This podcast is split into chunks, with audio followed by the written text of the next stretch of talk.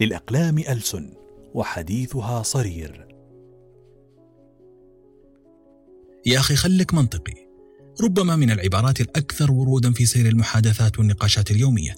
تفترض هذه العبارة أن الإنسان كائن منطقي يعمل وفقا لميزان الخير والشر الصواب والخطأ الفائدة والخسارة لتحديد مواقفه وخياراته. هذه النظرة التقليدية والحالمة لمنطقية الإنسان تهشمت في العقود الأخيرة بين مطرقة التجارب العلمية وسندان البحوث الاجتماعية. بكل أسى الإنسان لا يسير وفق حسابات المنطق والبديهية وما هو أصلح له؟ سيكون الكوكب أفضل بلا شك لو كنا كذلك بل نحن رهن الانحيازات والسياقات والأخطاء الإدراكية في تفكيرنا. من هذا الأساس انطلق علم الاقتصاد السلوكي العلم الذي يشرح عملية اتخاذ القرار في ذهنية الإنسان وما تتعرض له عملية التفكير هذه من أخطاء جوهرية في مظلة هذا العلم. الإنسان كائن منطقي ولا منطقي في نفس الوقت لدينا القدرات العقلية الكافية لاتخاذ قرارات تناسب مصالحنا وبقائنا. ولكن هذه القدرات تتعطل أحيانا في ظروف معينة ونتخذ قرارات أقرب ما تكون للسذاجة أحيانا والرعب في أحيان أخرى. خذ العنصرية مثلا.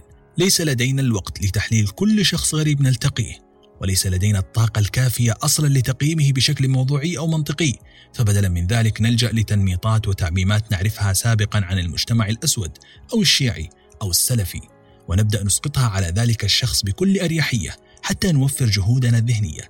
هنا اختصرنا العملية كلها بإشارة واحدة سواء كانت اللون أو الطائفة أو المظهر الخارجي. هذه الإشارات تختصر علينا مسألة اتخاذ القرار المعقدة ولكن هذه المعالجة السريعة تأتي بأخطاء جسيمة وتكاليف عالية أحيانا كعنصرية الإنسان القبيحة أو حتى اتخاذ قرارات يومية خاطئة.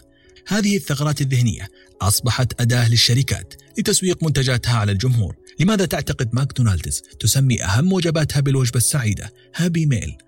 التسمية تستغل طريقة الاختصار المذكورة فالإنسان أحيانا يكفيه مؤشر واحد فقط ليقيم تصوره الكامل من الغرض أو السلعة كما يكفي لون البشرة في تقييم الناس. فالاسم السعيد لهذه الوجبة يعطي انطباعا إيجابيا حولها بغض النظر عن مساوئها الصحية والغذائية أو مذاقها. وكما يتم استغلال لا منطقية الإنسان لأهداف ربحية من الممكن كذلك توظيف هذه الثغرات لأمور نافعة وصحية تصب في مصلحة الفرد. هذا التوجه المعروف بالأبوية الليبرالية. ينص على التأثير على الفرد.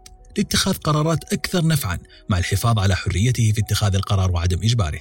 أفضل مثال لهذه الاستراتيجية ما نراه في عملية التبرع بالأعضاء. ألمانيا والنمسا دولتان متشابهتان متطابقتان إلى حد النسخ في الثقافة والقيم والأعراف. ولكن نجد أن نسبة التبرع بالأعضاء في ألمانيا لا تتجاوز 12% بينما تصل النسبة إلى 99% في النمسا. السبب بسيط جدا عندما تصدر رخصة القيادة في النمسا فإن قرار الموافقة على التبرع بالأعضاء هو القرار الافتراضي الموجود في استمارة التسجيل. إذا أردت إلغاء الموافقة عليك طلب ذلك. أما في ألمانيا يتم سؤال المواطن لطلب موافقته على التبرع وحينها تصبح الإجابة غالبا لا. هذا الفرق البسيط. يستغل رغبة الإنسان للبقاء على الخيارات الافتراضية لأنه يظن أنها هي الطبيعية فلا يتجرأ غالبا للشذوذ عنها. فمن الممكن تسيير رأي الجمهور حول أمر ما وذلك بتصوير الأمر بأنه خيار افتراضي أو مشهور. وبين كل هذه الثغرات يتضح أن الإنسان أضعف بكثير من أن يكون منطقيا وعقلانيا في قراراته ومواقفه ولحسن الحظ أنه كلما زادت معرفتنا بقصورنا وثغراتنا زادت قدرتنا على عقلنة الأمور واتسعت مساحة التفكير الحر بعيدا عن غايات الآخرين وسيطرة السائد.